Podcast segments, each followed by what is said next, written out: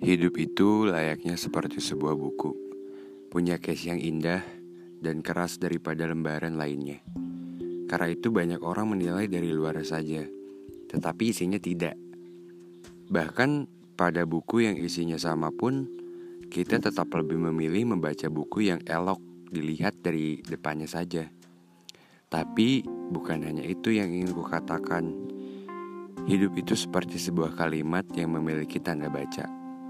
Tanda koma adalah perhentian sementara jikalau kita merasa lelah.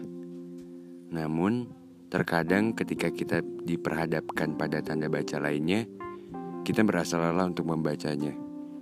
Padahal di depan masih banyak tanda baca yang harus kita lewati. Setelah tanda koma dan tanda baca lainnya, kita menemukan sebuah tanda titik. Kita pun mulai berpikir bahwa tanda titik artinya berakhirlah segalanya. Entah itu pencarian, perjuangan, dan hal hidup lainnya.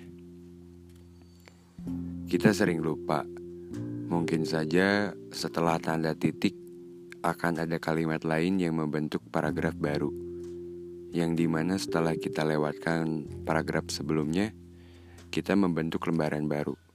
Tetapi paragraf lama memang tetap ada di dalam sebuah cerita. Yang di mana masa lalu memang akan selalu ada di dalam cerita hidup kita. Tak bisa dilupakan. Hanya bisa direlakan dan belajar untuk tak mengulanginya lagi. Maka dari itu, semangatlah untuk terus menghadapi setiap tanda baca yang nantinya akan muncul. Karena nanti akan ada banyak sekali paragraf yang harus kita lewati sampai pada kata the end.